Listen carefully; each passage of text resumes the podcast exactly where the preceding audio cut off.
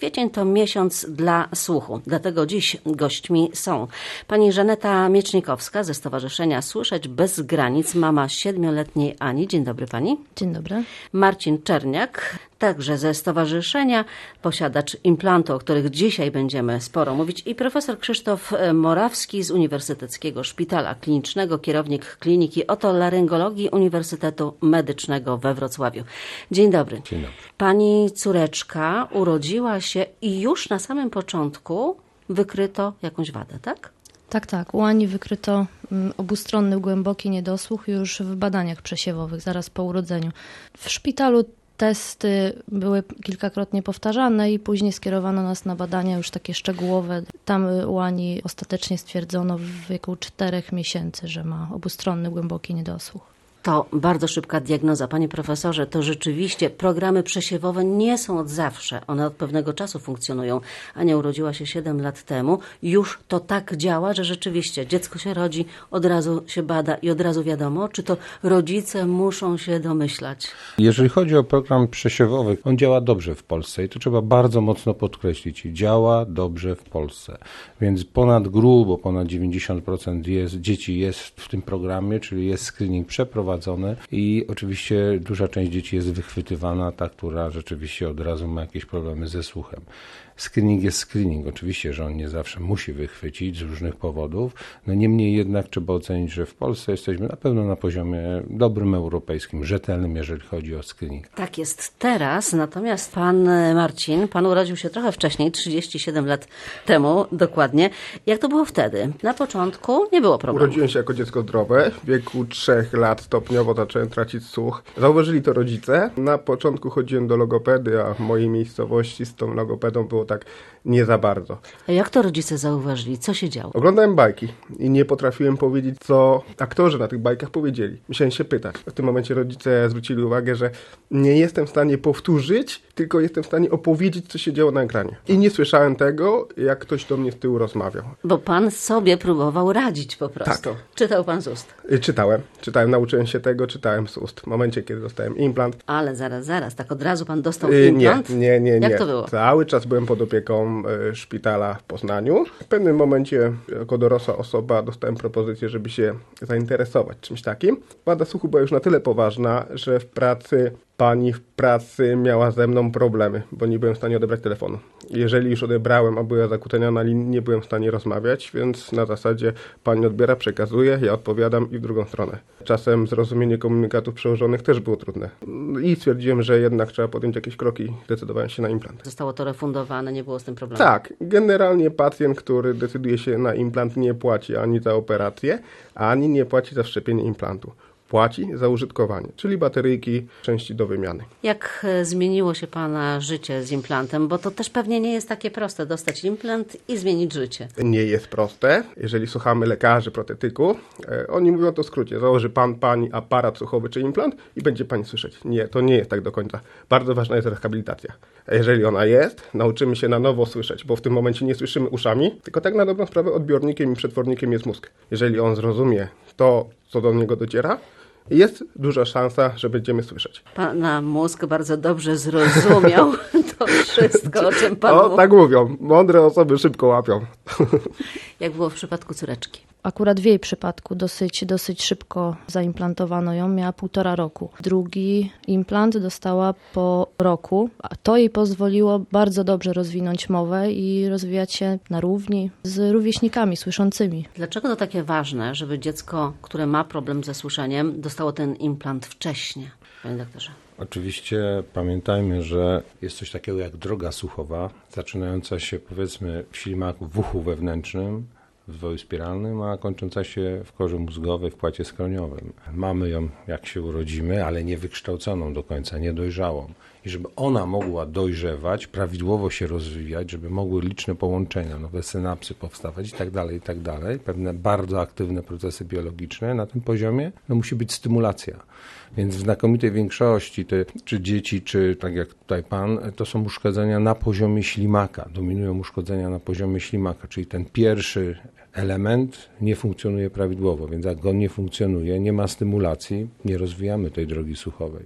I tak jak pani powiedziała tutaj, jeżeli ten implant zostanie wszczepiony, no powiedzmy te kryteria są dzisiaj takie, tak zwane takie bardzo klasyczne, amerykańskie, to są 12-24 miesiące, żeby, żeby było dziecko miało wszczepiony implant ślimakowy i rozpoczęło całe te procedury. Wcześniej oczywiście rehabilitacja z aparatem słuchowym, przy czym dziś no oczywiście zdecydowanie skłaniamy się, to ma być 12 miesięcy, 14 powiedzmy, a nawet wcześniej, jeżeli chodzi o Europę. No i wtedy rzeczywiście przy bardzo aktywnej pracy rodziców, rodziców przede wszystkim, ale też przygotowanych profesjonalnie do tego logopedów. No, ja bym powiedział przewrotnie, dziecko skazane jest na sukces. Brzmi to wszystko dobrze, bo tak, program przesiewowy, czyli szybkie wychwytywanie wady, potem diagnostyka i leczenie. Natomiast jak jest z dostępnością? Czy rzeczywiście każdy, kto potrzebuje w Polsce implantu, może go bez problemu dostać? W Polsce w tej chwili praktycznie rzecz biorąc, prawie wszystkie miasta akademickie, tam gdzie są uniwersytety medyczne, mają programy implantologiczne. Przy czym oczywiście te dominujące programy są w, no, w województwie mazowieckim, to są dwa ośrodki, Instytut Fizjologii i Patologii Słuchu oraz Klinika Otolaryngologii. To jest Poznań, drugi taki ośrodek wiodący właściwie, można powiedzieć. I do tego grona chce dołączyć Wrocław. I do tego grona nie chcę, tylko dołączy na pewno Wrocław. To już mamy tu zapewnienia ze strony Urzędu Wojewódzkiego, a przede wszystkim NFZ-u, więc dołączy. Myślę, że jak dobrze pójdzie, będzie to maj, dlatego, że jesteś, no tak się złożyło, że jest to jeden z, nie jeden z, tylko ostatni chyba już ośrodek akademicki, który jeszcze tego programu nie rozpoczął. Jak rozpocznie ten program, to co on będzie obejmował? Co on da pacjentom? No przede wszystkim najważniejsze. Kiedyś w Polsce starły się takie dwie koncepcje. Czy centralizacja, czy raczej dostępność wszędzie.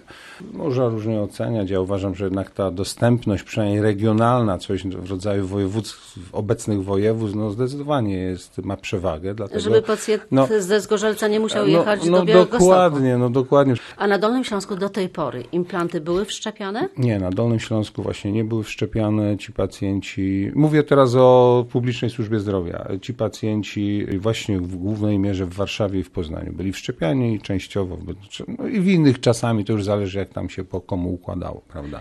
A teraz nie trzeba będzie jeździć. No zdecydowanie nie. Po to otwieramy ten program, żeby mieszkańcy Dolnego Śląska mieli dostępność całokształt i od początku, od diagnostyki poprzez wszczepienie implantu i rehabilitację.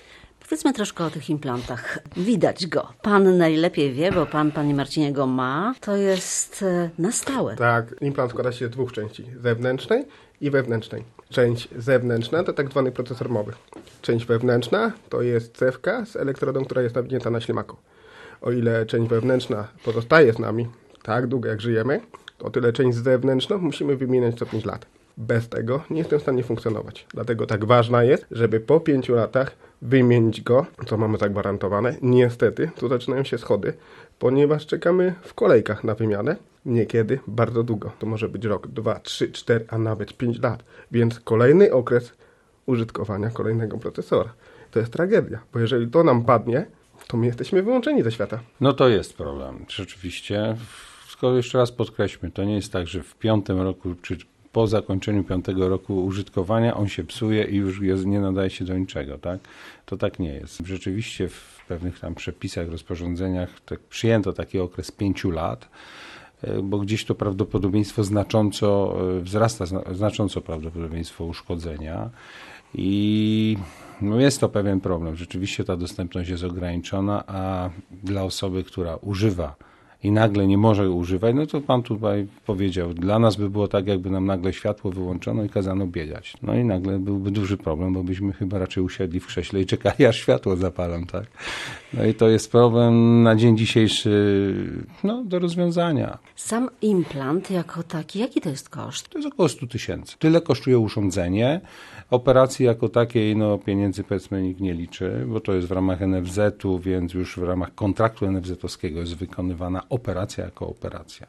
A jakie są potrzeby, jeśli Oczywiście chodzi... nie mówię już o kosztach wcześniej diagnostyki, a później rehabilitacji, no bo to też całe zespoły ludzkie zaangażowane i są to konkretne pieniądze. Ale mówimy implant 100 tysięcy, mniej więcej, mniej więcej 100 tysięcy, ciutkę więcej dzisiaj. A ile jest takich osób, które potrzebują implantu? Na dzień dzisiejszy tych osób, które mają problemy ze słuchem jest 5 milionów Polaków. 3,5 tysiąca osób, takich jak ja, czeka za wymianą procesora. Więc to są, uważam, bardzo duże liczby, na które powinniśmy zwrócić uwagę i zastanowić się nad poprawą działań. 5 milionów osób, które mają problemy ze słuchem, to jeszcze nie znaczy, że wszystkie potrzebują implantu, prawda, panie profesorze? Tak, zdecydowanie, oczywiście.